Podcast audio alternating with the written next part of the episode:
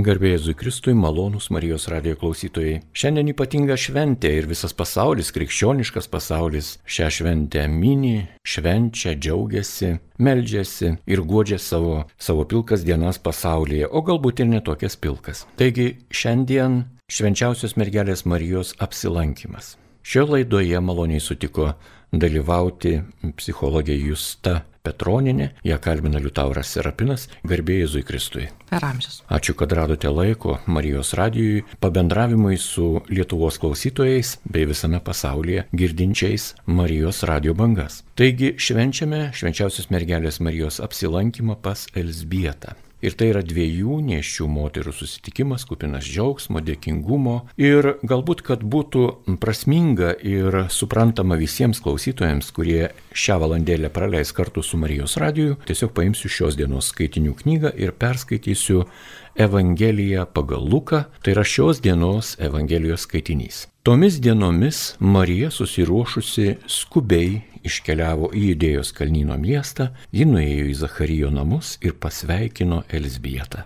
Vos tik Elsbieta išgirdo Marijos pasveikinimą, jos iššiose šoktelėjo kūdikis, o pati Elsbieta pasidarė kupina šventosios dvasios. Ji balsiai sušuko. Tu labiausiai palaiminta iš visų moterų ir palaimintas tavo iššių vaisius. Iš kur man ta garbė, kad mano viešpaties motina aplanko mane? Štai vos tik tavo pasveikinimo garsas pasiekė mano ausis, šoktelėjo iš džiaugsmo kūdikis mano iššiose. Laiminga įtikėjusi, jog išsipildys, kas viešpaties jai pasakyta. O Marija prabilo. Mano siela šlovina viešpatį, mano dvasia džiaugiasi dievų savo gelbėtojų, nes jis pažvelgė į nuolankę savo tarnaitę. Štai nuo dabar palaiminta mane vadins visos kartos, nes didžių dalykų padarė man viešpats ir šventas jo vardas. Jis maloningas iš kartos į kartą tiems, kurie jo klauso, jis parodo savo rankos galybę ir išsklaido iš didžios širdies žmonės Jis numeta galiunus nuo sostų ir išaukština mažuosius, alkstančius gerybėmis apdovanoja, turtuolius tuščiomis paleidžia. Jis ištiesė pagalbos ranką savo tarnui Izraeliui, kad minėtų jo gailestingumą, kai buvo žadėjęs mūsų protėviams Abraomui ir jo palikuonims per amžius. Marija prabuvo pas Elsbietą apie tris mėnesius, o paskui sugrįžo į savo namus. Toks yra šios dienos liturginis skaitinys, kurį skaito visose bažnyčiose aukojamų šventų mišių metu tiek pasauliečiai, tiek kunigai. Gerbimo Justo, turbūt šią ištraukėlę reikėjo jums skaityti, nes tai yra Marijos balsas ir taip toliau. Na, mes vyrai kartais nebūname visai tinkami Marijos balsui, bet, na, pasistengim. Taip. Taigi, tikrai ačiū, kad sutikote šią dieną pabūti kartu su Marijos radiju. Ir norisi jūsų klausti.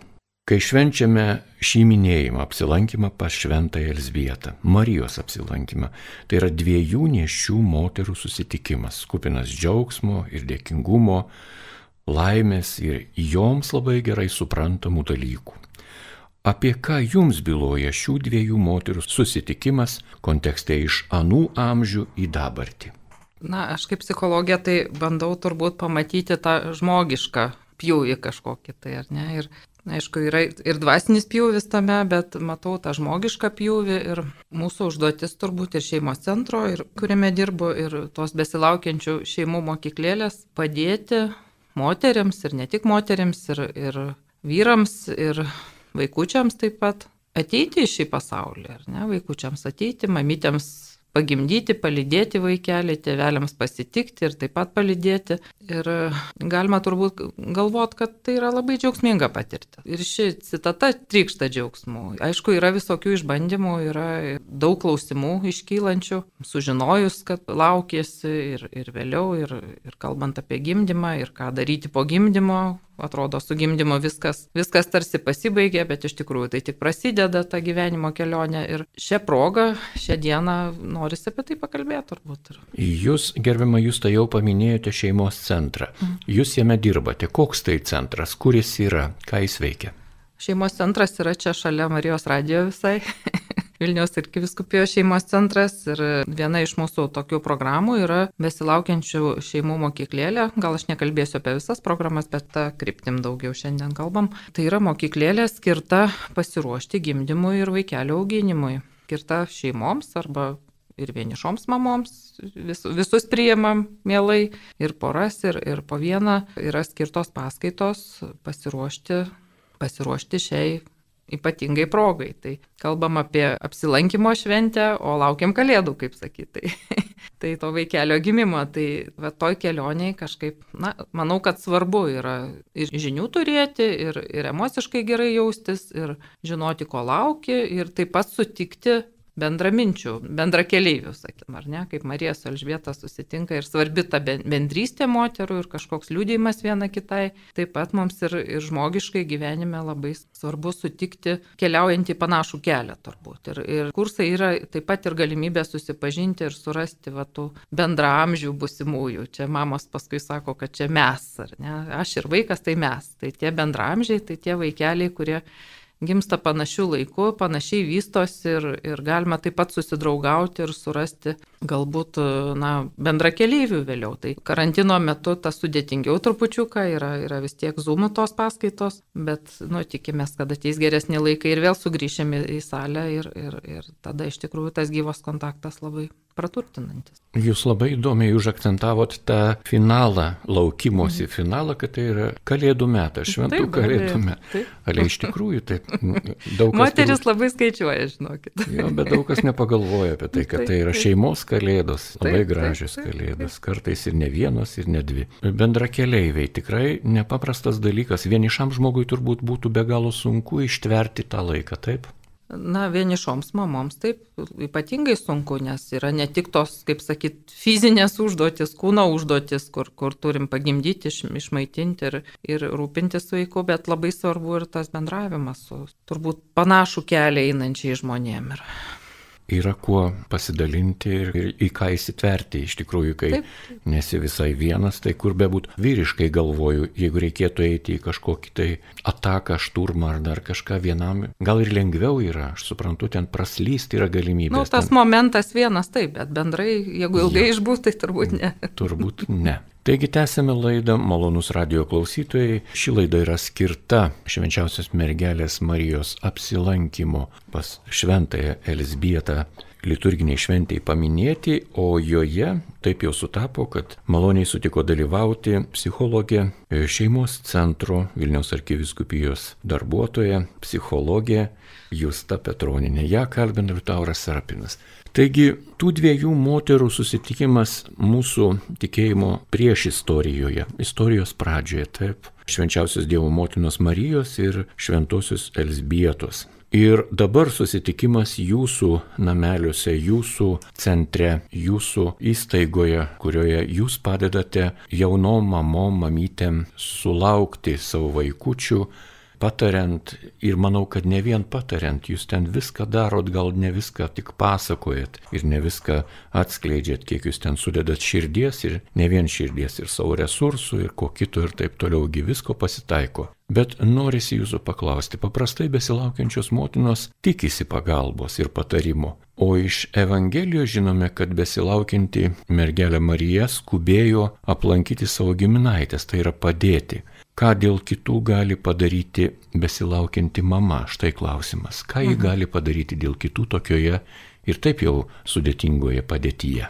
Na tai pradėčiau turbūt nuo kito galo, kad vis tik neštumas yra ypatinga būsena ir ypatingo jautrumo būsena ir e, tai yra organizmo pokytis, kuris sąlygoja, sąlygoja tokį didesnį reagavimą į visokias aplinkybės ir iš tikrųjų tos paramos moteriai reikia. Tai, na, šiuo atveju Marija padeda turbūt čia ir, ir tikėjimo akimis pamatyti tą savo kelionę, Elžbietos ir savo kelionę ir yra tam tikras liūdimas, bet žiūrint tokiu žmogišku kampu, kampu, tai, na, mums visada svarbu, kiekvienoje turbūt situacijoje, tokioje ypatingoje, o neštumas yra tikrai ekstremali situacija pakankamai, psichologiškai ir fiziškai, ir, ir, ir, ir turbūt ir, ir dvasinio aspekto, ta pagalba mums yra svarbi, o, o ką, ką padeda, na, žino, tas pasitikėjimas turbūt tam kelyje sakyčiau, yra yra toks kertinis, kertinis dalykas, kad aš galiu pasitikėti tuo, kad tas procesas, kuris vyksta manyje, jisai labai netaip jau daug nuo manęs priklauso iš tikrųjų,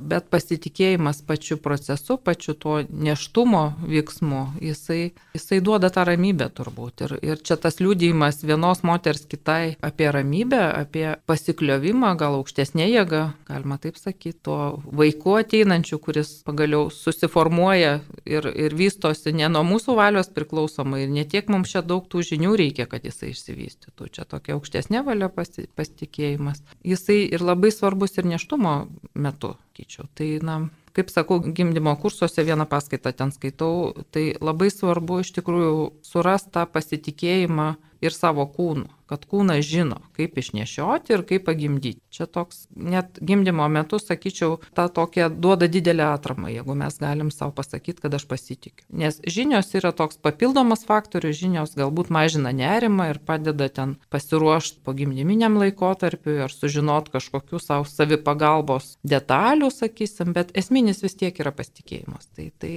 na, gal tą žinią mums ir neša, kad pasitikėkime. Nes iš ties to šurmulio labai daug, kai šeimoje sužinoma apie vaikelio jau atsiradimo pradžią, taip, ir tada žmonės vienokiu ir kitokiu būdu, na tame šurmulyje bando dar susigaudyti, kur čia yra tas horizontas, kur čia yra tie vartai, kur čia yra namų tvora, kur čia namų stogas ir ką kitą reikia. Dažnai, to, na, tokiu metu dažnai jaunom porom, jaunom sutoktinių porom pasitaiko, kad reikia ir namus tvarkyti, statytis ten kažką, ar įsigyti, ar dar kažką ir to ir to trūksta, visko trūksta. Tame amžiuje visai natūralu, kad trūksta. Ir dar vaikelis ateina, kuris, aš atsimenu tokią labai seną mano močiutę, sakydam, vaikeliai jūs tik nebijokit, vaikas viską atsineša pats. Tai tas labai gražus toks pasakymas, jis labai daug ką pasako, viską atsineša pats, bet. Kai mes lyginame va tą istoriją švenčiausios Dievo motinos Marijos ir Elsbietos, tai mes žinom, kad ten irgi netvarkoj buvo. Marija irgi ten be galo sudėtingose situacijose, pakliuvusi kartu su Juozapu ir dėl tos politinės situacijos, ir dėl tos tradicinės, ir dėl religinės, ir jo labiau dar žino, kad tas vaikas ne Juozapo, ir čia tokie rimti dalykai, tikėjimo išbandymai, o šventoji Elsbieta, taigi tokio amžiaus jau moteris nebegimdo, o jinai laukėsi ir žinot, vėlgi toks vat visai netipiškas atvejis ir jis mums visiškai nesiektinas, nepavyzdinis, bet jis mums išlieka pavyzdžiui. Ir va tas paradoksas, kaip jūs manot, moteris, kurios ateina pas jūs, jos vis tiek ateina to tokio kaip ir krikščioniško supratimo ar nevedamos. Ar jos tą supranta ar pagauna šitą momentą, kaip jums atrodo? Na, moteris įvairių turbūt motyvų vedamos ateina, kartais jos ateina tiesiog žinių, ar pasiguosti ateina pagaliau, ar surastų tų sprendimų, gal, nu, netaip viskas sudėtinga paprasčiau kartais, bet, na, tą norėčiau paminėti, kad ta pati žinia apie neštumą, apie vaikelio buvimą jau, jinai iš tikrųjų yra sukrečianti net ir tiems, kurie laukia to vaiko. Ir čia aš nekalbu apie tą, gal kalbėsime apie tai, kaip būna, kai nelaukia, bet, bet ir laukiant tai irgi yra tam tikras šokas ir nauja žinia ir dažnai yra tas jausmas, kad nu, laukiu, bet kodėl dabar, ar ne? Kaip čia dabar? Dar, dar atsukim atgal, dar resetas, taip sakyti, ar ne, iš naujo dar čia kažkaip pasikoreguosim, gal dar ne dabar. Nes dar, dar ne visai pasiruošėm, dar ten visos dulkės nenušluostė tos kosmoso namuose, ar ne, ir taip toliau. Tas toks perfekcionistinis toksai požiūris dažnai ir galbūt sunku priimti tą žinią, kad, kad jau dabar viskas, jau ant bėgių važiuojam, ar ne. Tai sukelia daug įvairių jausmų ir aišku ir džiaugsmas, bet gali būti ir tokių, na, nebijoti tų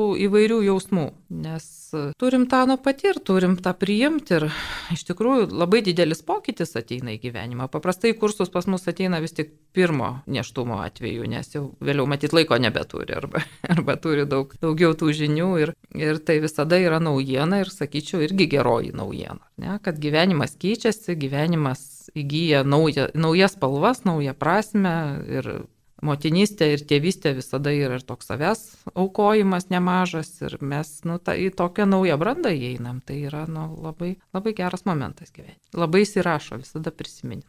Tai paminėjote tikrai, kartais apie tai užmirštame pasišnekėti, juk tai būna ir su, su vaikais savo, kurie ten šeimas yra sukūrę, mes seneliai irgi kažkaip atrodo, juk viskas normaliai suprantama, čia gal čia ką jau čia ir bešnekėti, patys vaikai suras kažkokie išeiti ar ką. O paskui, kai praeina kiek laiko ir, ir, ir iškyla tas klausimas, o, o reikėjo tada man galbūt toj vietoj pasakyti, vad nepatilėti. Aišku, būtų ten galbūt įsižeidę priekį ar dar kažką padarė, bet vat, tai va ta pagalba, kodėl, kodėl Vilnius arkiviskupijoje atsirado jūsų mokyklėlė, iš kur tai, kokia trauka buvo, ar čia nuleista iš viršaus pagal direktyvas kažkokias bažnytinio gyvenimo, o gal dėl ko kito, kaip yra? Na, atsirado grinai, kaip sakyti, iš asmenės patirties, pasakysiu. Taip. Jokių direktyvų nebuvo. Ir tuo metu, vat, kaip tik pradėjom dirbti, nauja komanda ir, ir aš pati buvau po antro gimdymo ir, ir labai tas prasminga atrodė, nes daug davė labai tos mokyklėlės ir bendruomenė žmonių, kurią man teko lankyti kitur. Ir nebuvo daug tų paskaitų ir atrodė labai tuo metu tokia nu, prasminga veikla iš tikrųjų, labai uždeganti. Tai pradžioje būdavo po vieną, dvi, tris poras, jau trys poros susirenka, tai jau grupė pas mus būdavo. Taip, nes ir ta informacijos klaida buvo ten 2000, kokie pirmie, antri metai ta pradžia ar net gal 2000-ieji, dabar ne, nepasakysiu tiksliai, bet maždaug prieš 20 metų. Tai jau būdavo grupė. Dabar, dabar kai, kol dar nebuvo karantino, būdavo iki 40 žmonių paskaitose. Tai, tai va, tas ir ta pati idėja, kad ta pagalba jinai prasminga yra ir, ir, ir na, nu, vargsti ten eini vakarė tą paskaitą skaitai, bet visada išeini su dideliu džiaugsmu. Su ta tokia, na, nu, irgi prisilieti prie tos paslapties kažkiek, tai labai džiaugiuosi to, bet manau, kad ir pati visuomenė keičiasi, ne žmonės ieško tų žinių ieško, ieško pasiruošimo, nors visada per kursus sakau, kad, kad jeigu jūs net nežinotumėt nieko, jūs vis tiek pagimdytumėt, nes mūsų visos močiutės, promočiutės tų kursų nelankė, bet žinios iš tikrųjų padeda, jos padeda galbūt susitvarkyti su nerimu labiau, padeda lengviau galbūt praeitą laikotarpį. Taip ir atsirado, tai iš asmenės patirties labiau. Asmeninė iniciatyva buvo. Nueitas tikrai didelis kelias, 20 metų, tai galbūt jūsų darbe tas ir, aš suprantu, kasdien dirbi atsakingai, ieškai, ieškai, ieškai, vis randi kažkokius atsakymus, ieškai kažkokių naujų atsakymų, juk problematika irgi nestovi vietoje, jinai nuolat kinta, šiek tiek, daugiau, mažiau, bet kinta. Ir per 20 metų jums kas toje raidoje, kas tokio įdomiausio pasirodė besa, kaip jums atrodo ta raida? Na tai pirmiausia, kaip sakiau, kad labai pagausėjo tie kursai, labai padaugėjo žmonių besidominčių. Na gal ir žmonės vis tiek keičiasi, ateina kitos kartos, gal kitokie tie klausimai, kitokie reikalavimai, kitokie lūkesčiai, bet iš esmės tai kaip sakyti, amžini dalykai tie patys išlieka. Tai tas va džiaugsmas to neštumo ir rūpestis ir, ir, ir panašus turbūt galvojimas, kad, va, nu, svarbiausia gimdymas, o po to jau kaip nors, O iš tikrųjų tai čia tokia, kaip sakyt, na, ne visai teisinga mintis, nes viskas tik prasideda po to. Tai, ir, ir, tai yra ir didelis džiaugsmas, ir aišku, nu, didelis išbandymas, ir, ir, ir gimdymas, ir, ir neštumas, ir tai, kas yra iškart po gimdymo, yra iš tikrųjų ekstremali patirtis. Ir mes, mes nu, tą, tą turim žinot, priimti ir priimti iššūkį, bet priimti su džiaugsmu. O kokie atsiliepimai jūs grįžta atgal, kokie jūs pasiekia atsiliepimai iš tų mamų, tevelių, kurie lankė kursus, o paskui po gimdymo kažką va, atrado? Na, žinot, žmonės turbūt labai užsijėmė po, po gimdymo, nelabai mes ten girdim ką. Bet iki šiol buvo tas mamų klubas šeimos centre, dabar į Lietuvo šeimos centrą gal labiau persikėlė ten perėjus darbuotojai dirbti, bet aš galvoju, kad, na, aš nelabai pati gaunu to tiesioginį, sakysim, raštu atsaką, ar ne, nes turbūt ne mano adresu tas ateina, bet, bet kartais paploja, tai gal neblogai. Paploja. Tikrai aš suprantu, kad jeigu yra kursuose apie 40 žmonių, kurie dalyvauja, tai jau net nepavadinsi mokyklos klase, auditorija, instituto ar akademijos, bet tai jau tokia didžiulė konferencija gal. Tai 20 porų, tai 40. 40 žmonių, tai didelė auditorija. Vis tiek kaip ten Nes ne tik mamoms skaitom, bet kviečiam visą porą.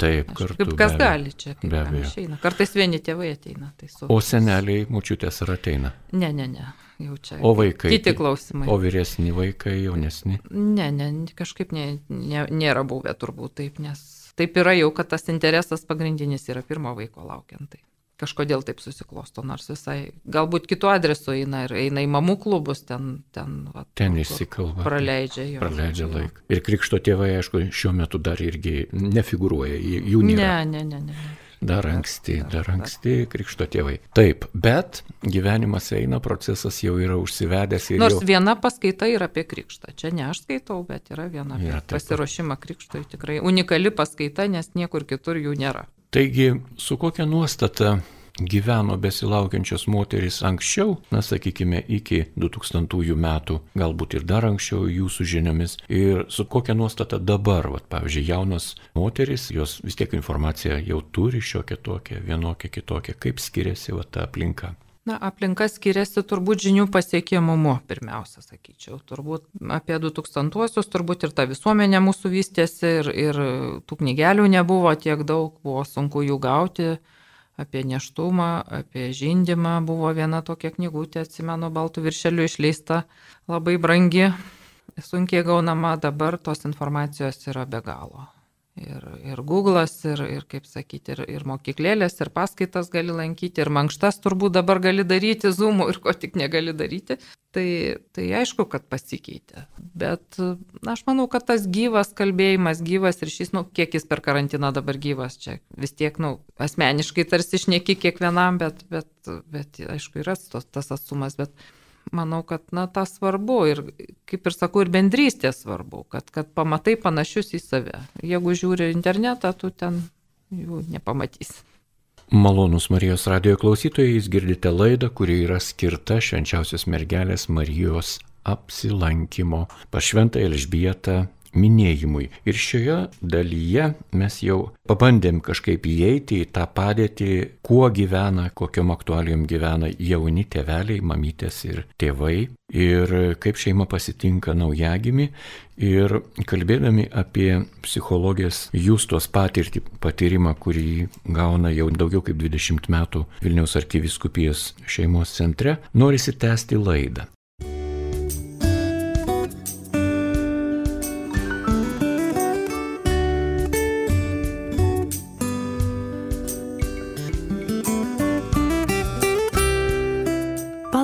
Jums laiko su Marijos radiju. Taigi tęsime laidą ir šioje laidoje kalbame su psichologė Justa Petronienė. Ja kalbina Liutauras Serapinas ir jau kalbėjote apie tą vadinamą informaciją, jos daug. Tai ir gerai, ir blogai, žinoma, nekrikščioniškas tas požiūris, negali būti ir taip, ir ne visada turi būti arba taip, arba ne. Bet, kai kalbame apie informaciją, ir taip, ir ne. Galima ir blogos informacijos susirasti, ir geros. Ar apie gyvybės langelį kalbate? Ne, nekalbame apie gyvybės langelį. Gerai. Na, aš galvoju, kad tie žmonės, kurie ateina į kursus, jiems tai nėra aktualu. Tiesiog tai nėra aktualija. Gal aktualu, bet kitaip, ar ne? Taip. Na, tas gyvybės langelis kitoks, sakysim. Tai gyvybės langelis atsidaręs jau ir, ir laukiam, laukiam susitikimo su, su tuo paslaptingu personažu, kurį nešiojam. Ir čia mūsų gyvybės langelis turbūt. Manau, kad tie žmonės, kurie ateina į kursą, jiems į kursus jie ne, vis tiek tokie samoningi žmonės ateina, kurie ieško atsakymų, kurie ieško pagalbos, ieško žinių, ieško, ieško kaip sakau, gal bendraminčių, Čia aš matyčiau esmę, o, o, o tokių kažkokių krizinių, krizinių atvejų, nu, nelabai čia pas mus. Nelabai galėčiau atsakyti. Tai. Na, iš pradžio abejojau, bet galvoju vis tiek reikia paklausti, o kas jums labiausiai į ratus kiša pagalius, vat jūsų veikloje? Kas trukdo? Nežinau. Man niekas netrukdo. Žmonės geranoriški, nežinau, karantinas gal labiausiai trukdo.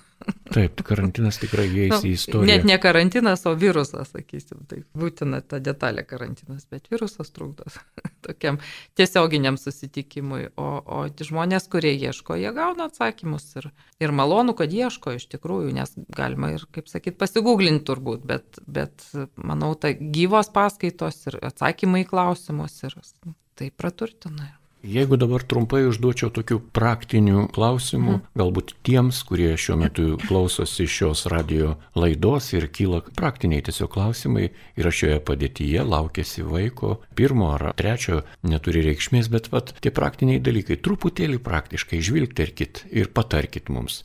Pavyzdžiui, kaip reikėtų geriau pasiruošti motinystėj, kas tam labiausiai pasitarnauja? Man toks vat klausimas.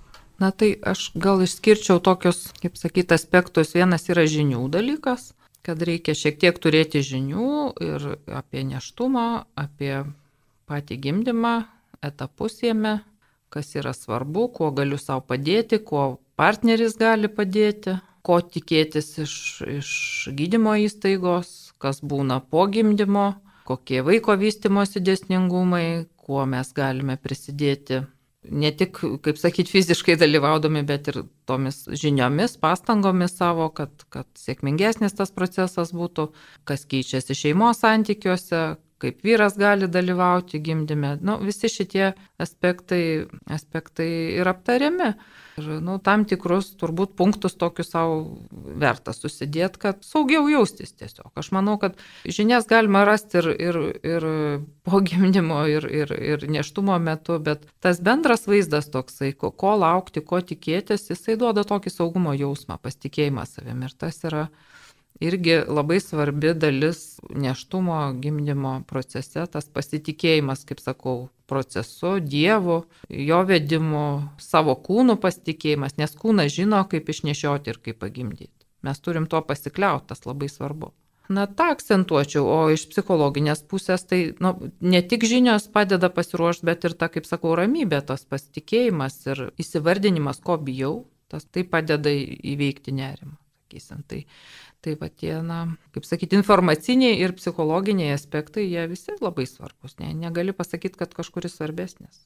O kaip vyras, pasak moters, galėtų geriau pasiruošti tėvystėje? Nu, taip trumpai, bent užbėgti už akių šitai nu, problemai. Nežinau, ar pasak moters, ar čia, kaip sakyti, iš, iš profesinės pusės žiūrint, tai, na, žinot, vyras, galvoju, kad jisai tokio, kaip sakyti, pakabintas trupučiuką yra, nelabai aiškioje situacijoje, nežino, ko tikėtis, nežino, kokie yra lūkesčiai, žmonos galbūt lūkesčiai nelabai aiškus ir iš viso nelabai aišku, kas čia bus. Tai jeigu prieš neštumą yra pora, kurie, nu, kaip sakyti, žiūri į vienas kitą ir džiaugiasi vienas kitu ir, ir, ir kūrė gyvenimą, tai atsiradus vaikeliui ar neštumo metu, ar gimus, e, mama labai stipriai, moteris labai stipriai vaiką nusisuka ir vyrui dažnai, dažnai kyla klausimų, ką iš čia veikia. Tai, tai labai tą akcentuojam, kad svarbu surasti turbūt tą žinojimą apie savo funkcijas, ką aš darau, ką už ką atsakau, kokie mano įsipareigojimai. Čia aš ne apie santokinius įsipareigojimus kalbu, bet nu, konkrečiai ką darau gimus vaikui, ką, kokie, kokie mano darbai. Tai turbūt tą, tą labai svarbu aptarti ir, ir, ir tą svarbą suprasti, nes nesikalbėjimas yra dobė žaryjų poslenkščio. Ne, tai, tai sąlygoja konfliktų. Tai veda prie konfliktų. Ne, ne šlepetės ne vietoje pėdėtos, bet nesikalbėjimas apie jos yra konflikto priežastis dažnai. Tai tiesiog nu tą paskatint turbūt, kad, kad pradėtų kalbėtis. Tai toks, toks Toks turbūt kampas požiūrio svarbus. Kitų rakursų žvilgti, tarkim, pavyzdžiui, kaip turėtų būti ugdomi jauni žmonės, kad jie būtų pasiruošę gyvybei. Na, būtų tiesiog pasiruošę gimdyti vaikus, kad tas vaikelis būtų laukiamas, laukiamas taip, kaip reikia, o ne, o ne, o ne kažkaip tai, ai čia paraleliai, mes čia laukiamės vienam lygmenį, kitam lygmenį tęsim įprastus savo poreikius, rūkom, geriam, lakstom. Kaip atrodo, atsiprašau už tokį aha, liaudišką. Aha. Na, net nežinau, ką atsakyti. Tai galvoju, kad, na, yra tos informacijos nemažai ir... ir... Kaip turėtų ugdomi tie žmonės būti. Na, tai mokykla šiek tiek šneka turbūt apie tai. Didžiausias ugdytojas visada yra pavyzdys. Negalim pikti ant savo vaikų, kad jie kažkokie netokie, jeigu tėvai taip elgėsi, ar ne. Tai Vienas dalykas mokytojai, kitas dalykas turbūt pavyzdys asmeninis tėvų, tai, tai čia iš kartos į kartą tie keliaujantis dalykai, bet informacija, kalbėjimas apie tai, apie, kad ir alkoholio vartojimas, sakysim, neštumo metu, dabar net iniciatyva tokia yra, man atrodo, kad nei vieno lašo negali. Akcentuokim, tiesiog akcentas, nie lašo alkoholio ir kitų svaigalų, taip? Taip. Aš manau, tai daugam bus labai sunku suprasti. Galim tris kartus pakartoti. Gimdyviai, nešiai moteriai negalima alkoholio ir svaigalų kategoriškai, taip? Taip. Ojei, ojei, kad tik išgirstų, kad tik išgirstų. O kaip tokiu atveju tada su ta priklausomybė kvaišalams, rūkalams, kaip elgesi, normaliai kaip būna? Ar galėtumėt papasakoti? Na, man mažokai tenka su tuo susidurti, sakyčiau, nes vis tiek, sakau, ateina tokie sąmoningi žmonės, ieškantis, ieškantis turbūt atsakymų, jau, jau esantis kitam būvyje, sakysim, tam palaimintam būvyje vadinamam, ar ne, ir, ir dažnai jau tie klausimai atkrenta, tai turbūt gal net, kaip sakyti, akušeriai gynekologai daugiau paaiškina apie tai. Pas mus kažkaip ta, to nes, nesusidarėm, bet be abejo tai yra, tai yra didelis iššūkis pakeisti gyvenimą. Labai geras iššūkis. Ar jums teko pažadinti, pašaukti motinystėje asmenys, kurie buvo apsisprendęs daryti abortą? Na, man yra tekę dirbti tikrai su žmonėm įvairiais, tai ir, ir, ir su to moterim, kurios sprendžia tos klausimus ir kurios yra, kaip sakyti, išsprendę, išsprendę tokiu liūdnu būdu. Tai Bet kuriuo atveju tai yra labai toks, nu, kritinis momentas gyvenime ir svarbus tas pasirinkimas turbūt net labiau negu to, tuo metu moteris supranta apie tai. Neveltui kalbam apie tą poabortinį sindromą, kuris yra labai netikėtas. Atrodo, čia kas čia tokio, greitai, greitai susitvarkysiu, bet po to ateina tokia, tokia didelė banga to liūdėsio ir kaltinimo savęs ir, ir nelaimingumo, kurios nu, negali prognozuoti visiškai. Tai, tai Tai, na, tenka apie tai kalbėti. Kartais pavyksta. O turbūt, kad pavyksta. Nes jeigu nepavyktų, jūs turbūt nedarytumėt to, taip? O jeigu dabar šitoje vietoje staptelti ir paklausti apie jūs asmeniškai, ar jūs laimingas šį darbą dirbdama esate? Na taip, ne, nekeiščiau kito, tai būtų sunku dar kažką naujo išmokti. Manau, kad ne dėl to nekeistumėte, taip? Turbūt. Turbūt. turbūt. Na, ne, tai aišku yra tas prasmės jausmas ir, Ir emociškai gal nėra lengvas darbas, bet. Laida mūsų jau eina į pabaigą, dar norisi daug ko paklausti, na, gal porą klausimų tiesiog pabaigai. Kaip jūs matote tą motinos džiaugsmą laukiant kūdikio? Kaip jis atrodo tas džiaugsmas? Ar galėtumėte papasakoti, truputį pasidalinti? Na, labai daug čia kalbėjom apie pačias motinas ir gal ir tėvus šiek tiek ir mažai kalbėjom apie patį kūdikį, ar ne? Tai kūdikis yra stebuklas iš tikrųjų. Tuo metu. Žinai, kad esi jo indas turbūt ir to stebuklo ateinančio kartais galbūt trūksta to pasitikėjimo, kaip čia su manim tokia gali kažkas gero išeiti. Būna, būna tokių dažnai galvojimo būdų ir, ir gal, psichologai sako, kad jeigu, jeigu yra, sakysim, savivertės ten kažkokių klausimų, problemų, tai dažnai yra tų minčių tokių, kaip iš manęs tokios kas nors gero gali gimti.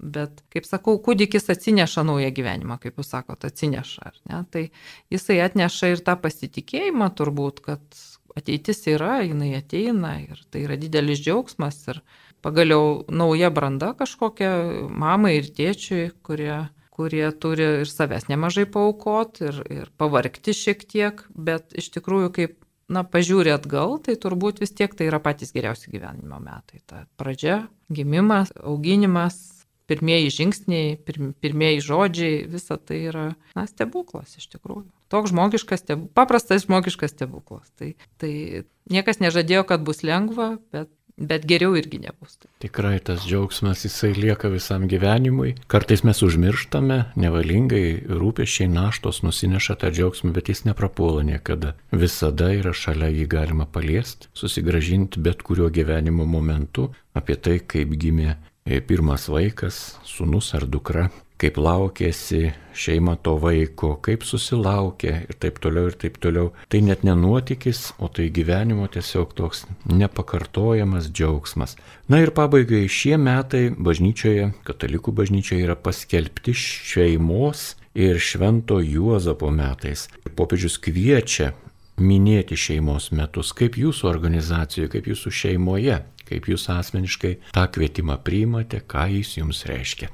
Na tai turbūt ir jūs čia dažnai minite Marijos radijui, kad Amoris Leticija penktieji metai, ar ne? Tai tiems laiškams apie šeimą, apie, apie džiaugsmą šeimoje, Amoris Leticija yra džiaugsmas šeimoje. Paminėti, na, bandom, bandom renginius visokius kurti, organizuoti ir tikimės, kad vat rūdienį galbūt turėsim paskaitų būtent apie vaiko auginimą ir apie prieraišumo svarbą, apie to ryšio kūrimo svarbą. Tai čia taip truputėlį anonsuoju, kad šeimos centro, šeimos centro numatoma tokia kryptis dabar, o asmeniškai, na tai kasdienybė didelis džiaugsmas turbūt irgi, kuri mums dovanojama ir jeigu mes kažkaip sugebam, ieškom to tokio džiaugsmo, mes jį paprastai randam. Ačiū Jums už pasidalinimą, už pristatymą Vilniaus arkiviskupijos šeimos centro aktualijų. Šią laidą malonus radio klausytojus girdėsite dar ir pakartojimuose. Na, o dabar atsisveikindami tiesiog linkime jums gražios iškilmės, švenčiausios mergelės Marijos apsilankimo iškilmės ir primenu, jog šioje laidoje kalbėjome apie besilaukiančių mamyčių ir tevelių godas ir džiaugsmus ir apie jas jums pasakojo psichologė Justa Petroninė. Ja kalbino Liutauras Serapinas, likite su Marijos radiju.